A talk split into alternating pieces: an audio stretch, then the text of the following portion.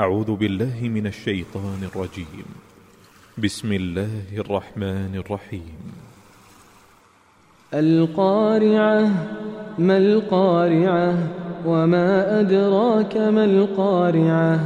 يوم يكون الناس كالفراش المبثوث وتكون الجبال كالعهن المنفوش فأما من ثقلت موازينه فهو في عيشة راضية.